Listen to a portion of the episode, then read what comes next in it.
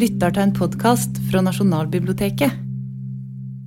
Kristine Bonnevie hun eh, er altså i sannhet en pioner. og Jeg skal selvfølgelig primært snakke om det faglige virket hennes, som i seg selv var mangslungent nok.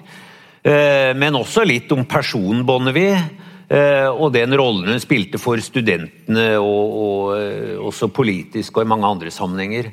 Og Hun levde jo i en ekstremt spennende tid eh, når det gjelder biologi. Det gjør vi jo i dag også, kanskje i enda større grad. Men hun levde også i en tid hvor eh, faget ikke hadde splittet seg opp i så mange disipliner. Eh, den gangen gikk det an å holde oversikt stort sett over alt som hadde med biologi å gjøre. og Det, det gjorde for så vidt Bonnevie in persona. Og kanskje en av de siste som har hatt en slags full oversikt før dette splittet eh, lag og ble til eh, mer og mer spesialiserte disipliner. I dag er vi jo alle spesialister, og som sagt eh, En spesialist er jo en som kan mer og mer og mindre og mindre. Han kan alt om ingenting. Eh, mens Kristine Bonnevie hun kunne mye om ja, om ikke alt, så i hvert fall svært mye innen biologien. Og vi som I mitt daglige virke så møter jeg på Bonnevie hver eneste dag. For jeg sitter jo i Kristine Bonnevies hus, altså biologibygningen. Eh, og vi har maleri av Bonnevie, og vi blir stadig minnet om hennes nærvær. Så hun er en rollemodell for, eh, i hvert fall for de kvinnelige studentene, så å si daglig. Eh, og hun levde jo et forskerliv i den forstand at hun, hun stiftet aldri egen familie. Selv om jeg vil tro det sitter mange av Bonnevies familie her, så var det altså via hennes søskens slektslinje. Men hun viet sitt liv til til studiene. og vi kan si kanskje at studentene på mange måter var eh, hennes barn. Hun viste i hvert fall en omsorg for de som eh, beklageligvis kanskje er litt fremmed for oss forskere i dag, eh, men som var forbilledlig. Jeg kommer litt tilbake til det. Og hun levde altså fra 1872 til eh, 1948. Og fram til sin dødsdag så var hun aktiv i forskningen. Hun Eh, døde, samme dag som hun døde, så fullførte hun et svært epos av en artikkel fra sykesenga som ble sendt inn og, og publisert senere. Så Mye av det jeg skal snakke om i dag, er basert på en eh, biografi som eh, tre av oss skrev. Inger Nordahl og meg selv og Tore Lie, som sitter her. Og eh, Hun er et takknemlig biografiobjekt eh, av flere grunner. For det første fordi hun, var, hun befattet seg med så mye, og som var både faglig spennende, og fordi hun levde i en tid som var veldig spennende. Og også fordi at eh, vi slapp å komme borte. altså Vi, vi fant ingen skjeletter i skapet. Det er jo alltid en biografs dilemma. ikke sant? At det dukker alltid opp noen skjeletter i skapet. og Skal man åpne opp skapdørene og grave i de, osv. Og man kan si at vel, Hvis det ikke er noen uh, skjeletter der, så er det et uh, kjedelig uh, biografiobjekt. Men det gjelder ikke Kristine Bonnevie. Men vi slapp altså dette dilemmaet med å, med å grave i hennes privatliv, og bra er det. Jeg tror ikke vi ville gjort det uansett, altså, om vi hadde hatt muligheten. Men hun var jo en pioner på mange måter, og hun var jo en kvinnesakskvinne, men ikke en rødstrømpe i, i, tradisjonell forstand. Altså Politisk sto hun eh, mer til høyre enn til venstre. Så hun var eh, kvinnesakskvinne og forkjemper mer eh, implisitt enn eksplisitt. Men gjennom sitt virke var hun det til, til de grader. Hun hun var ikke den første som hadde doktorgrad, men eh, hun var vel Norges første kvinnelige opponent. Eh, det virker kanskje ikke så storslått i dag, men eh, det, den gangen var å være opponent en, en, stor rolle. Hun var Norges første kvinnelige medlem av Det norske vitenskapsakademi, og der er nåløyet trangt. nå er det vel snart Ja, det er veldig langt igjen. Det er et av de stedene i akademia hvor det ennå er langt igjen til kjønnsbalanse. men det har bedret seg da fra Kristine Bonde ble, ble valgt inn. Og fremfor alt da så ble hun Norges første kvinnelig professor, som virkelig var en, eh, å bryte en barriere. Så kan man si at Kristine eh, Bonnevie kommer jo fra en eh, gammel og fin adelsfamilie med embetsslekter på alle kanter, og man skulle kanskje tro at vel, da lå det i kortene. Og, det har helt åpenbart vært, hatt betydning da for at hun valgte en akademisk karriere og hadde en, en slags selvtillit. Ehm, kanskje ikke en nødvendig forutsetning, men at det har hjulpet henne, har nok vært, eh, tror jeg, sannsynlig. Men samtidig var det ikke sånn at hun ble båret fram, eh, i hvert fall ikke av sin far. Eh, den kjente skolepolitikeren Jacob Aall Bonnevie, altså Aall-slekten er jo også inne her.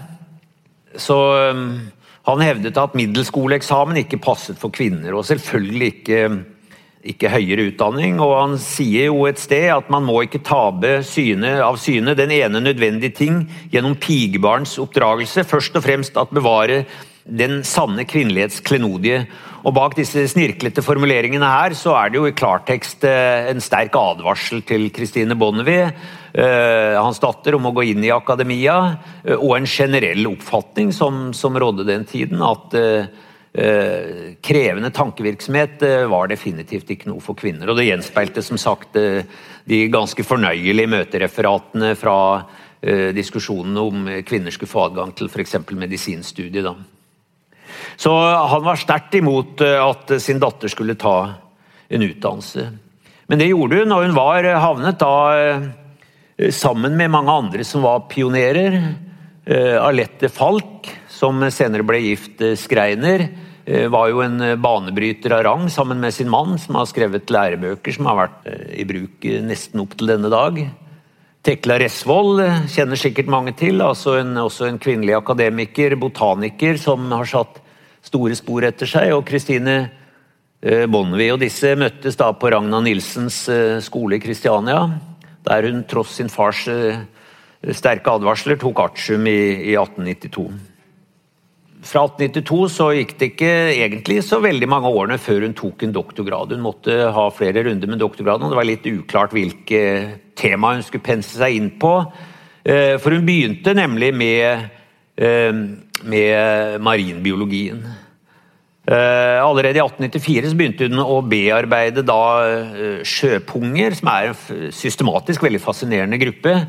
Larvene har ryggrad, eh, men så når de bunnslår seg, så tilbakedanner de ryggraden og, og blir dvaske og sedate. Noen har sett en slags symbolikk der, men men asidiene var fascinerende, og hun artsbestemte disse og navnsatte flere. Og hun også hydroider, som altså er i polypdyr, slekt med maneter, som hun også ble ekspert på. Hun skrev altså en publikasjon allerede i 1895 sammen med sin lærer Johan B. Hjort om knoppskyting hos eh, asidien, som i dag kanskje høres eh, litt sånn sekterisk ut, men, men som var et viktig bidrag til datidens forståelse av disse Eh, disse dyrene som man da visste eh, lite om.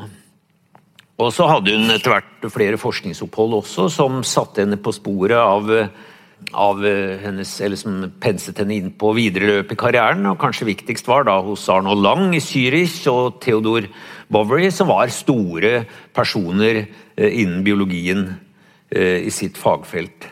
Og så ble hun da i 1900 konservator ved universitetets sotomiske museum, som det het da. Og når Nansen står der, så var det fordi at hun brukte altså mye tid. Det er en interessant korrespondanse mellom Fridtjof Nansen og, og Christine Bonnevie, eh, hvor hun da bearbeider materialet fra hans, eh, hans eh, havekspedisjoner. Så hun hadde altså tre viktige forskningsopphold, og det er også ganske Uh, uvanlig, i hvert fall for kvinne å være, at man reiser utenlands og får så å si audiens og oppholder seg og har uh, lange forskningsopphold. Hun ble godt mottatt uh, og gjorde åpenbart en veldig god figur hos disse Ikke disse to har vært nevnt, men også Edmund Wilson, som da var, skulle bli en av de helt store cellebiologene og genetikerne. Eh, så disse tre forskningsoppholdene markerte på et vis også noen av de faglige retningene hun valgte. For hun, som jeg sa, hun, hun spente over et vidt felt av, av, biologien. Ikke sånn som vi gjør i dag. I dag er oppskriften på en god karriere i akademia å veldig tidlig spesialisere seg og forfølge den spesialiteten og publisere det remmer og tøy eh, holder for å få ut flest mulig artikler på kortest mulig tid. For å sette litt på spissen, da. men og hun disputerte da i 1906, eh, noen kjenner sikkert igjen det, universitetets eh, ærverdige gamle festsal, som ser omtrent likedan ut i dag.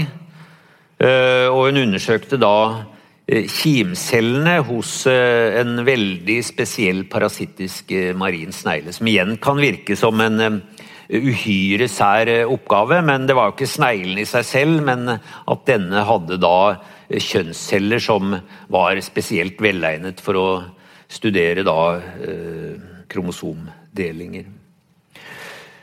Så hun eh, allerede i disputasen så, så, går hun rett inn i det som var dat, et av datidens store si, molekylære disputter. Det var hvordan eh, celledelingen egentlig foregikk, og hvordan kromosomene eh, eh De ulike stadiene i kromosom, i celledelingen hos kromosomene. Og dette var jo eh, noe av det hun hadde vært ute og lært, også disse fargeteknikkene som gjorde at hun fikk fram eh, kromosomene i nødvendig detalj, og også kunne studere sentromerer og disse eh, strukturene som trekker kromosomene fra hverandre under celledeling. Så fikk hun som opponent da, Alette Skreiners mann, Christian Skreiner, som ikke var mye eldre, men som da hadde også spesialisert seg på dette. Og det var en lang og heftig disputt. Jeg husker ikke hvor mange timer den varte, men eh, eh, han var da sterkt uenig med, med Skreiner. Og det var Dette er vel kanskje den eneste gangen hun åpenbart tok feil, men at hun tok feil, det kan hun nesten ikke bebreides for, for det var ut fra datidens preparater nesten umulig å se akkurat finmekanismen i dette. Så Skreiner kan, si, kan man si kanskje var heldig og gjettet riktig. Kristine eh, Bonnevie gjettet litt feil. For hun altså mente at homologe kromosomer smelter sammen i meiosen. Som ikke er, er essensielt riktig. Men det, i og for seg er dette en detalj, for hun var likevel en pioner når det gjaldt eh, både fargeteknikker her og forstå eh, celledeling og celleutvikling generelt. Så jeg tror ikke det skal egentlig stå som noen flekk på på rullebladet hennes. Det er større navn enn henne som har hatt eh, små feil. Altså når DNA-molekylet mange år senere ble oppdaget, så var det jo et kappløp, eh, som noen sikkert vet, mellom eh, Linus Pauling, som allerede da var dobbel nobelprisvinner, og bl.a. hadde en fredspris og var på vei mot sin tredje nobelpris, og Watson og Crick.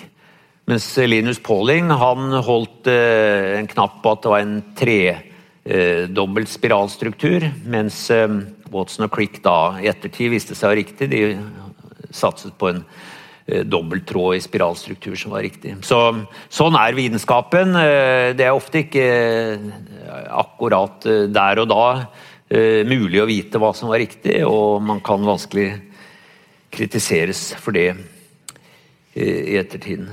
Som sagt, det var noen forløpere før Christine Bonnevie Allerede i 1890 tok eh, Agnes Wergeland en doktorgrad på norrøn og islandsk rettshistorie.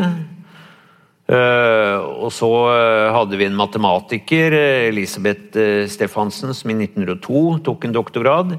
Så kom Clara Holst med en språkrelatert doktorgrad. Og Christine Bonnevie hadde altså faktisk en dame også foran seg i zoologien, nemlig Emilie Arnesen som disputerte eh, i Zürich. Men Kristine Bonnevie var den første da som eh, disputerte som kvinne innen realfag da, i Kristiania, som det het. Eh, jeg tar litt først av disse summariske merittene hennes for å sette, sette hva skal vi si, kortversjonen av CV-en hennes i et historisk lys, før vi går litt inn på noen av disse sentrale feltene hennes. Eh, når hun ble valgt inn i Vitenskapsakademiet, det er en lang og tungvint prosess, det er det i dag også. Man må nomineres. Man må for det første ha noen venner som er villige til å nominere. Det er jo gjerne det første, første bøygen. Og så er det en betydelig diskusjon om utvelgelsen av de som til slutt ender opp i Vitenskapsakademiet. Kristine Bonnevie hadde da to velgjørere og forslagsstillere, og det var ikke noen hvem som helst, de, de skal komme straks tilbake til. Det var Georg Ossian Sars og Robert Collett som foreslo henne. Så hun fikk jo en betydelig eh, ballast eh, gjennom forslagsstillerne. Og Allerede nå på dette tidspunktet jobbet hun jo sammen med disse og hadde gjort seg nesten uunnværlig som assistent for dem. Og hun, hun, fikk da altså en, en, en veldig rosende anbefaling fra disse.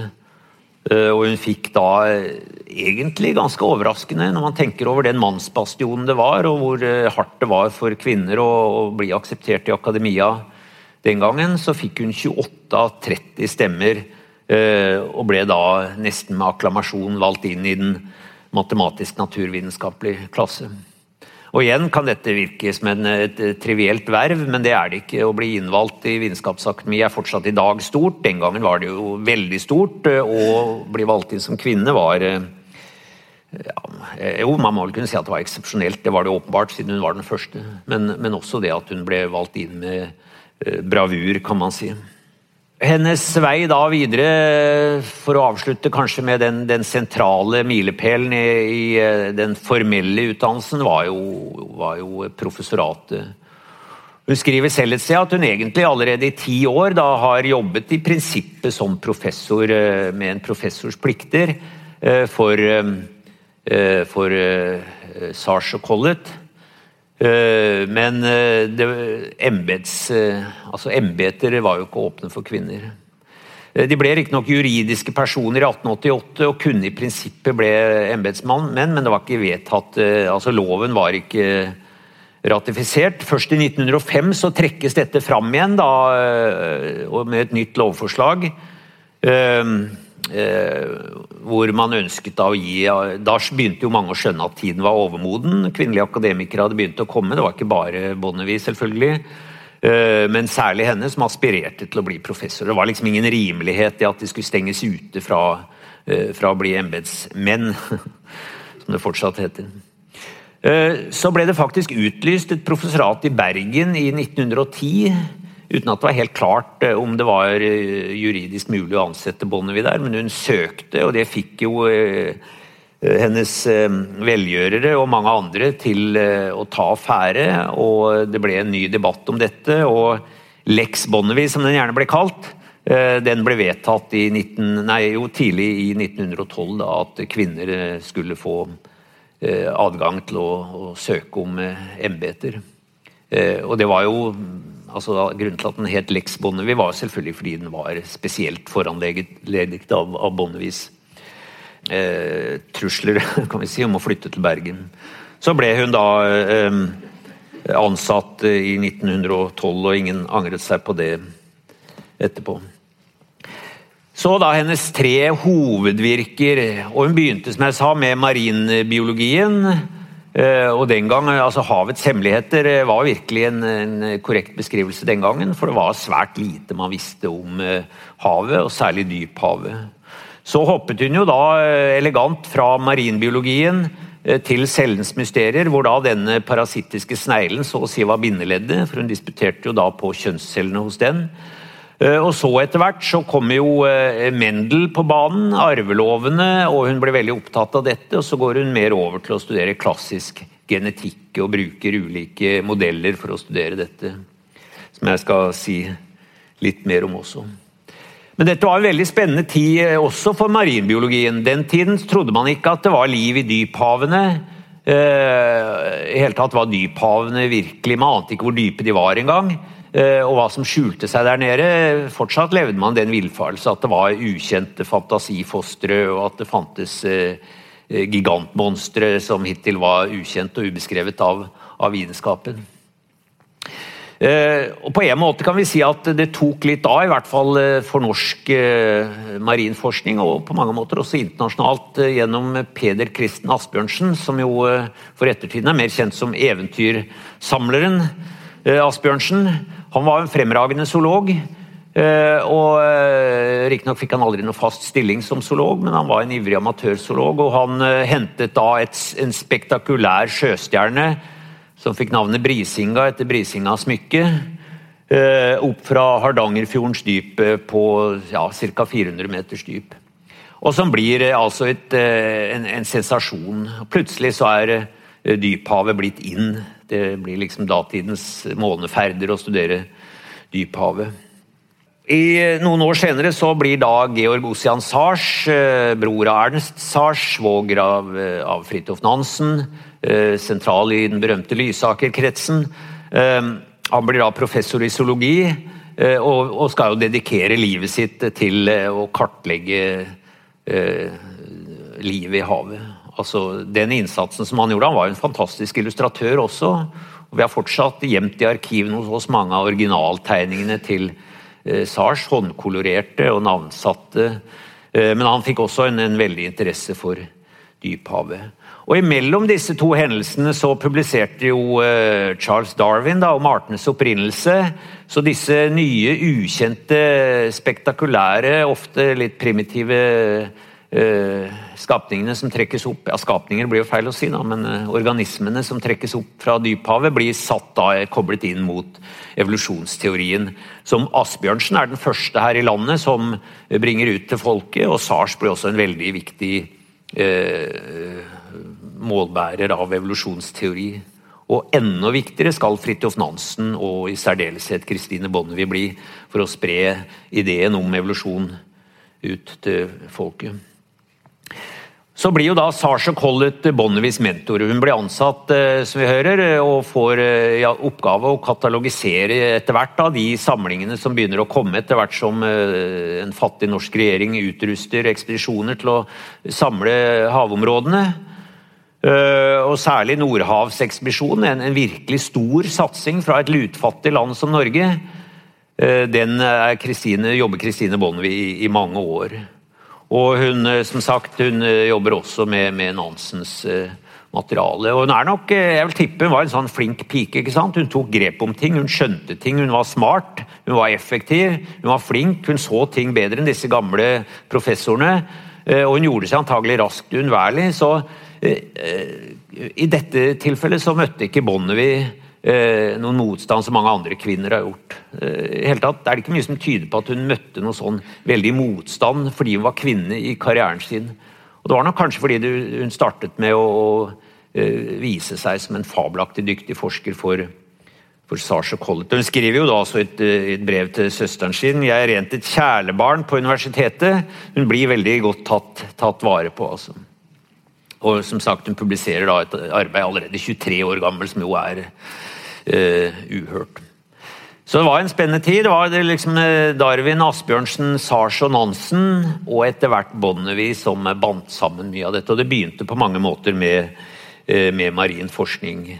Ja, her er de mystiske sjøpungene og hydroidene som, som hun viet mye av sin tid til å studere. Og hun var med på tokt selv, ikke noe sånn voldsomme tokt, men i hvert fall på tokt i Oslofjorden, som jeg tror dette er fra. Og etter hvert så ble jo da, etter eh, modell fra eh, altså Fridtjof Nansen eh, hadde vært i Napoli og blitt betatt av Napolis kvinner, men også Napolis akvarium. Eh, så han, han, tok initiativ da til å få bygd en marinbiologisk stasjon eh, i Drøbak. Og den ble realisert, eh, riktignok et år etter var det vel at Bergen fikk sin første marinbiologiske stasjon, men Kristine Bonnevie kom til å bruke veldig mye tid i Drøbak. Og Drøbak har stått sentralt eh, for veldig mye av, av eh, utdannelsen, ikke bare av marinbiologer, men biologer.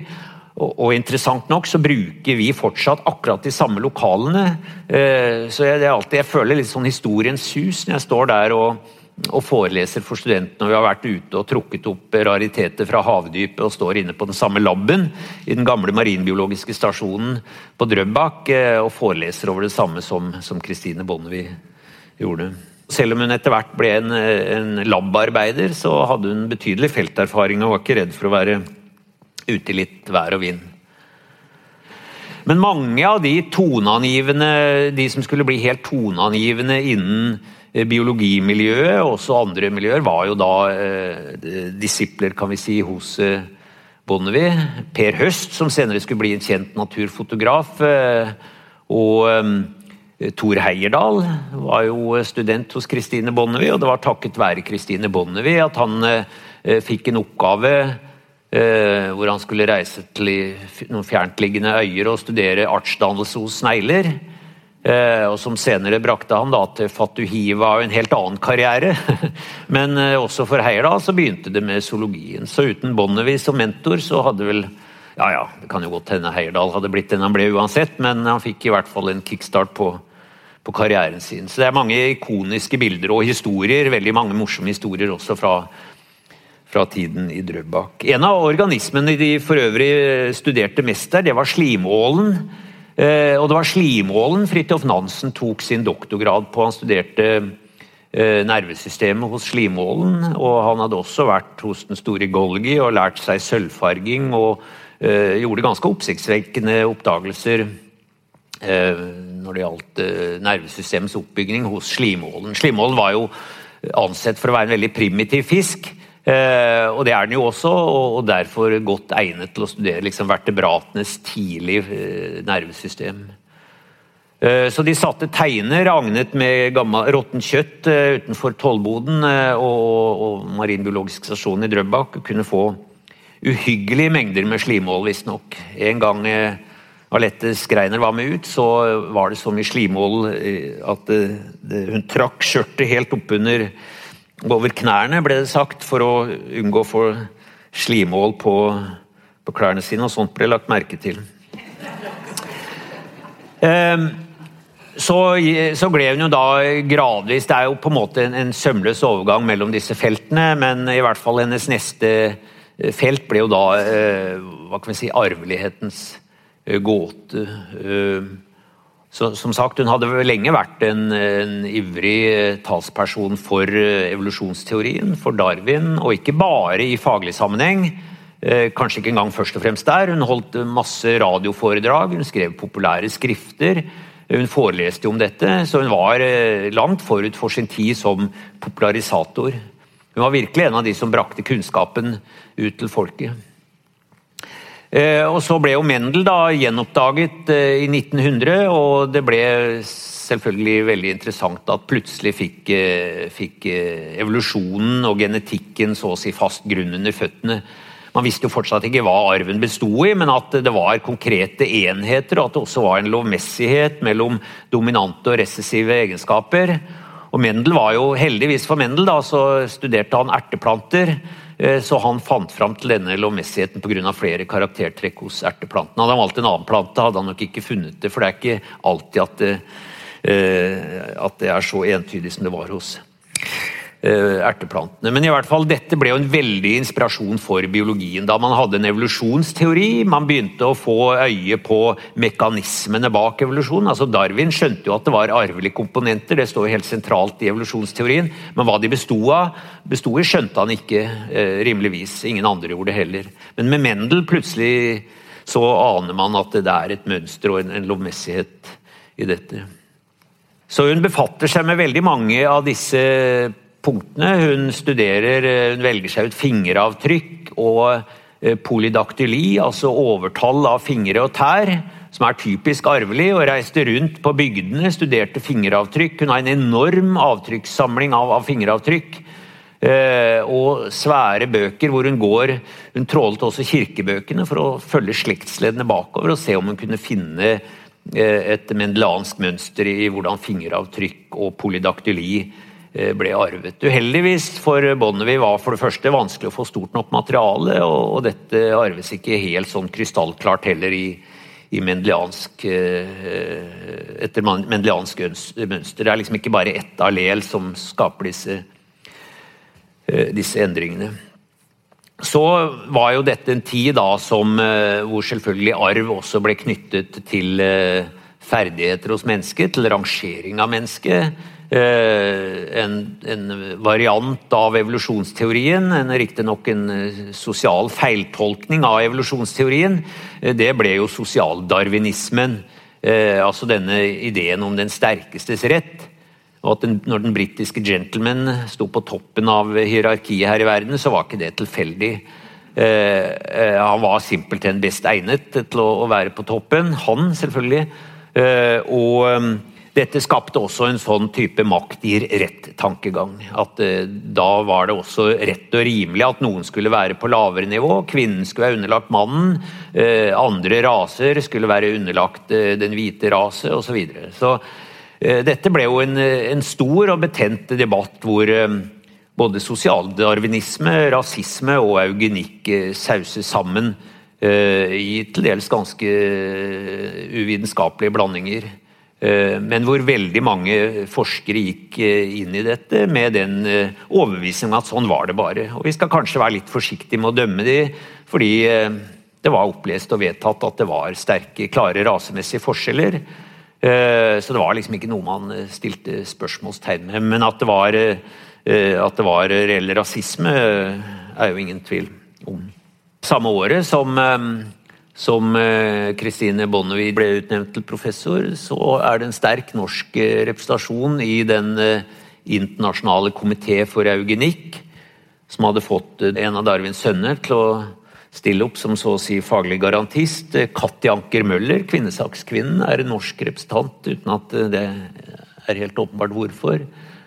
Og Jon Alfred Mjøen, farmasøyten, som var en av de fremste talsmenn for, for uh, eugenikk. Uh, og igjen da, den, Denne gangen var dette helt stuerent. Det var ikke ansett for å være verken brunflekket eller suspekt. Det var, dette var vitenskapet. Og dette, dette gjaldt jo mange av de tiårene hvor Bonnevie sto sentralt i debatten rundt arv. og Hun var jo også leder for Institutt for arvehygiene. Hun ble jo trukket inn i mange av disse debattene. Og Det var altså både en debatt om rasehygiene og en debatt om arvehygiene. Og Det er viktig å holde disse tingene fra hverandre. For rasehygiene den gikk ut, eh, som navnet indikerer, da, på å holde rasen ren. Eh, og når man skulle holde rasen ren, så var det ut fra en oppfatning om at eh, noen raser var mer verdt enn andre. Nå bruker man ikke rasebegrepet lenger i, biologien, i hvert fall ikke i særlig grad. Det er ikke bare fordi at det er et betent begrep, men også fordi det er veldig vanskelig å, å skille raser fra hverandre. Eh, det er større genetisk forskjell eh, innad blant eh, afrikanske folkeslag for eksempel, enn det er mellom en gjennomsnittlig afrikaner og en, nordmann. for den saks skyld. Men det var i hvert fall sterke forestillinger om et rasehierarki, og dette gikk tilbake egentlig til, til Linné, som på 1700-tallet da klassifiserte Eh, alle arter. Linné trodde jo at alle arter var skapt, eh, og at mennesket selvfølgelig var skapt i en, særstilling og som uh, Guds tolker her på jord. Men likevel så inkluderte han mennesket da i, sitt systematiske verk, og han graderer også mennesket i en del underlige kategorier. Han har bl.a. et slags oppsamlingshit hvor han ikke helt vet hvor han skal plassere de, som han kaller monstrøse Eh, men på toppen der også er, eller den som får de beste karaktertrekkene, er jo eh, selvfølgelig den, den hvite mann, mens, eh, den, mens, afrikaneren, skriver han, er slu, smører seg med fett, har krøllete hår. Mye en sånn blanding av, av kategoriseringer. Men dette henger for så vidt ved at det er en naturlig både en, en sterk distanse Eh, noen mente sågar at det måtte være ulike opprinnelser for ulike menneskeraser. Eh, og ikke minst er det et eh, hierarki. Og Ragnar Vogt, som var en annen, og i andre sammenhenger faglig solid arvelighetsforsker, han skriver jo f.eks. at om den sorte rase med sin ringe åndelige begavelse og den nordeuropeiske med fremragende åndelig begavelse Eh, og advarer jo sterkt mot at man tynner ut eh, eh, denne nordeuropeiske rasen ved å, få inn blod fra andre raser. Så det var en stor debatt om dette, eller var, var, si, kanskje ikke så mye debatt, men det var en stor aktivitet rundt dette, hvor mye av dette var helt standard tankegods. Selv en stor humanist som Nansen eh, diskuterer jo på en måte langt på vei med, med et slags eh, eh, innfallsport. Selv om han i andre sammenhenger da priser urbefolkningen som de sterke og rene, så han var litt tvetydig til dette. Og særlig da Mjøen, som var nevnt, eh, og Vogt eh, og Bonnevie og Scharfenberg, den store sosialmedisineren Scharfenberg, som også var toneangivende i mange tiår, eh, var sentral i disse debattene og hadde litt forskjellige standpunkt. Eh, Scharfenberg var en ihuga motstander mot rasetenkning. Han skriver eh, at han kan ikke forstå denne meningsløse forestillingen om at noen raser er mer verdt enn andre. Eh, og han er jo virkelig antinazist, og, og nazistenes raseideologi har jo knapt noen sterkere motstander enn Scharfenberg. Samtidig er Scharfenberg en veldig ivrig talsmann for arvehygiene. Eh, nemlig at man innen en, en populasjon, f.eks. innen Norge, bør luke ut de med uheldig arveanlegg.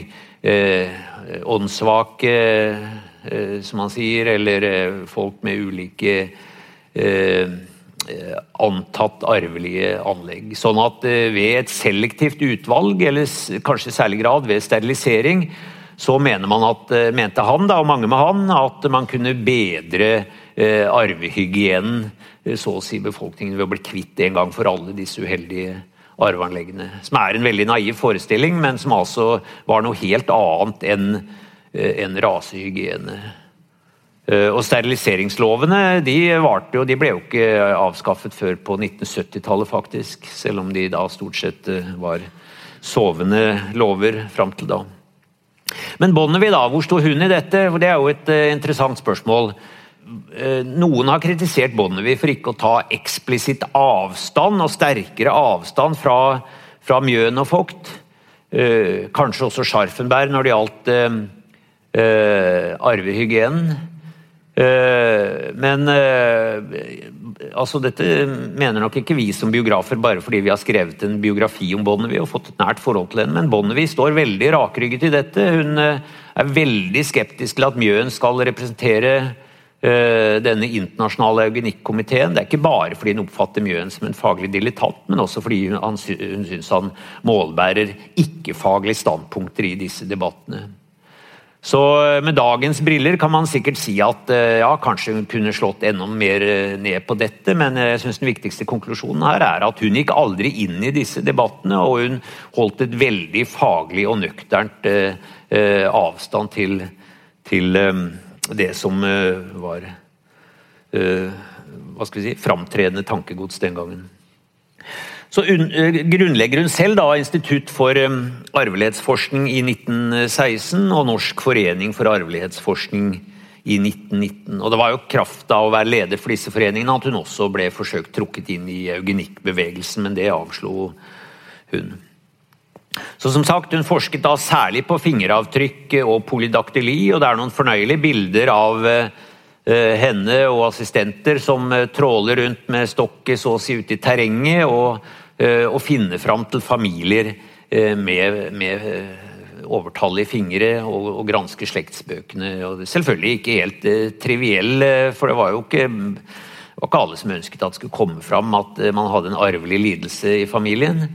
Eh, så Hun skriver brev, eh, ganske fornøyelig korrespondanse også, hvor hun sier hun hører rykter om at i familien deres eh, skal forekomme overhyppighet av flertallet av, av, av sexfingre, f.eks. Og lurer på om hun kan komme og få snakke med dem og undersøke dette og grave litt i slektens historie. Så, men hun fikk et, et ganske stort materiale, og hun gjør også en god del statistikk på dette uten at hun entydig kan vise mendeliansk arv på dette. Og det samme som sagt med, med fingeravtrykk og også dvergvekst og tvillingfødsler. Hun har et enormt materiale på tvillinger, eh, toeggede og eneggede. Og når vi gikk gjennom arkivet når vi skrev dette, så var det eh, endeløse eh, hyllemetere med kartotek av den typen her, med nitidig fortegnelse over familier og tvillingfødsler og ulike karaktertrekk ved, disse tvillingene. Og det er altså, Studier av enige tvillinger har jo vist seg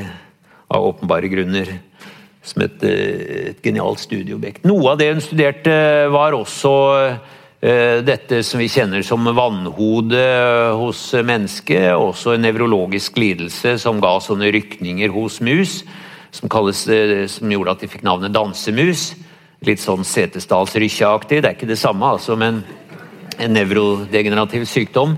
Eh, hvor hun brukte musemodeller. Eh, og en av de første som, eh, som begynte å bruke mus her til lands. Bananfluer var jo allerede tatt i bruk, men, men hun brukte musemodeller. Og gjorde krysningsforsøk, og fikk tilsendt da stammer av disse musene utenfra. Og hun studerte musefostre. Dette er vannhodestudier. Eh, det er eh, så vidt jeg vet den samme gendefekten som gir vannhode hos mus som hos eh, menn, hos barn. Så det fins også mengder av denne type. Hun studerer jo da arvelighetstrekkene i dette. Og det ligger også store lagre med sånne glassplater med 'dette er hun kjørte da, hun støpte inn disse i plast, og så brukte hun en sånn mikrotom og snitta opp disse og studerte da på Gudene veit altså hvor mange musehjerner hun må ha snittet opp for å studere finstrukturene i, i hjerneutviklingen hos disse vannmus, vannhodemusene i ulike stader i utviklingen. Så hun var virkelig en eh, eksperimentalist og en, eh, en, anatom, kan man si også, med en endeløs tålmodighet. Altså Hvor mange nattetimer hun må ha sittet med dette, kan man bare gjette. Så hun hadde en uh, absurd arbeidskapasitet. Og dette er bare et riss altså over noen av hovedfeltene hennes. For hun var jo også aktiv på andre områder. Etter 1905, hvor det var en nasjonal rus og en stor diskusjon, nasjonalistisk rus kan man si, etter frigjøringen, så kastet Kristine Bonnes seg også inn i, i politikken. Uh, og Hun ble også riksmålsforkjemper, og hun var også helt sentral i diskusjonen hvor det nye universitetet skulle ligge. Skulle det ligge øst eller vest for elva? Skulle det da, Og ettertid så eh, havna du der som Bonnevie. Ikke bare takket være henne, men antagelig mye takket være henne. Der det ligger i dag, altså det nye universitetet da på, på Blindern campus. Som sagt, Hun var engasjert i kvinnesak, men da mer eh, eksplisitt enn implisitt, kanskje. Og så var hun, eh, hun var delegat i Folkeforbundet, så hun hadde også et stort eh, internasjonalt engasjement. Og så var hun aktiv under krigen på veldig mange områder. Eh, ikke minst for å skaffe mat til studentene, men hun drev illegal eh, virksomhet under krigen også. Eh, men kanskje viktigst, da, sett eh, fra oss på som i dag sitter i Kristine Bonnevies hus, var at hun da var en slags alma mater. Hun, eh, den omsorgen hun ikke fikk tatt ut på andre barn, vel, hun tok den jo ut på, på sine tantebarn da, i, i betydelig grad, men også på studentene. Eh, så hun var en forbilledlig lærer der. Hun tok også initiativ til, til eh, Studentkjelleren og til eh, studiehjem for unge piker, som det vel het, i Geitmyrsveien. Så studentvelferd i bred forstand var hun, hun veldig aktiv i. Og hele livet så var hun en, en vil si nesten ekstremt aktiv talsmann for vitenskap og rasjonalitet. Altså, hun var veldig eh, effektiv til å avfeie sånn mystisisme. Vitalisme var jo en stor uh, teori den gangen. At det var, det var, en mystisk restforklaring som vitenskapen ikke kunne forstå. Uh, det var ikke Gud, men det var en, en, mystisk restforklaring som het vitalisme, som hun veldig effektivt punkterer og argumenterer mot.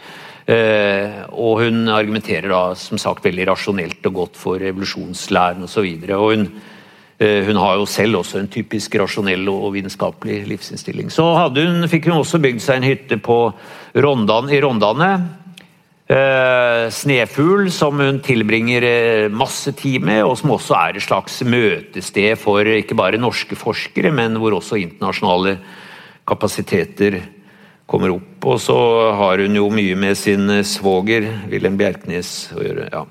Her er bare noe av det hun gjorde. Hun skaffet parseller for potetdyrking på Nordstrand blant annet under, under krigen, og går selv ut og planter poteter for at studentene skal få mat.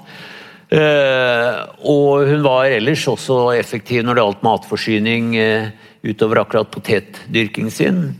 Ja, hun etablerte også studenthuset og som sagt studiehjem for unge piker i Eitmyrsveien, som fortsatt uh, finnes der. Noen var til stede der på jubileet for i fjor. Og Aulakjelleren og Blindern-kjelleren er også grunnlagt av Kristine Bonnevie. Så i motsetning til eh, enkelte av dagens akademikere som gjør karriere ved å, å ha på skylapper, eh, så, så, gjorde virkelig Kristine Bonnevie noe på, på mange fronter. Jeg tenkte jeg kunne avrunde med dette. Som sagt, altså, hun hadde jo ikke bare et eh, nå blir jo alle sånne biografier de høres litt ut som nekrologer. altså Man roser objektet opp i, i skyene. Men vi fikk jo, vi som jobba med denne biografien, en, eh, en oppriktig eh, beundring for hva hun faktisk klarte å rekke over. Og hvor mange dimensjoner hun hadde.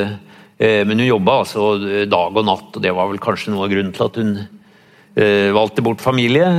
Hva vet vi. Men her er hun på en av sine eldre dager, hvor hun fortsatt sitter og skriver på på hytta si på Snefugl. Og Det er jo kanskje ikke akkurat dette hun skriver, men hun skriver i hvert fall det i en sammenheng som jeg tror er, eh, er ganske talende. At eh, selv om dagens timer kan være fylt av andre gjøremål, så har det alltid vist seg å finne en liten plass til vitenskapelig forskningsarbeide det er dette mer enn noe annet som har satt fargen på min tilværelse. Det har gitt innholdet til hver ledig stund, og det ligger ennå lokkende foran meg. Dette skriver hun i høy alder, og som sagt, hun fullførte jo eh, sitt siste store epos eh, fra senga dagen før hun døde. Eh, så vi kalte biografien et forskerliv. Den er først og sist et forskerliv, men hun hadde altså hva skal vi si, rikelig med engasjement på si, som går langt utover det vi, noen av oss syns vi kan påta oss i tilsvarende stillinger i dag. Og så kan man spørre til slutt, Hva slags spor er det igjen eh, etter Bonnevie? Har hun satt eh, noen spor som er varige eh, i vitenskapelig sammenheng?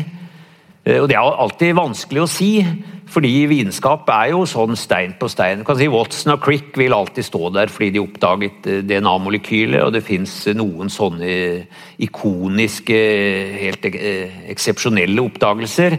Eh, men nesten all vitenskap er jo å bygge stein på stein. Og Christine Bonnevie, gjennom alle disse ulike delene av biologien hun befatta seg med, eh, vil jeg si, la veldig vektig og viktig grunnlag for fagets videre utvikling. Og helt åpenbart, og det er kanskje nesten det viktigste, så var hun jo da en, eh, en formidabel rollemodell for unge kvinner i akademia. Så selv om det skulle ta lang tid før det tok av, så har det jo nå virkelig tatt av. Det er nok ikke lenge før glasstaket bryter heller. Eh, og igjen, da, bare for å avslutte med det, for oss som eh, vanker, eh, som går gjennom den døra her til daglig, så, så får vi en daglig påminnelse om at vi sitter i Kristine Bonnevies hus. Og når det navnet ble valgt, så var det faktisk et par gamle professor, mannlige professorer som rynket litt på nesen og ikke syntes det var riktig, men i dag tror jeg alle er skjønt enige om at det var ingen andre som kunne mer velfortjent gitt navn til eh, biologibygget på, på Blindern. Da kan vi gå ut i høstkvelden, eh, ser det ut som. Takk for frammøtet.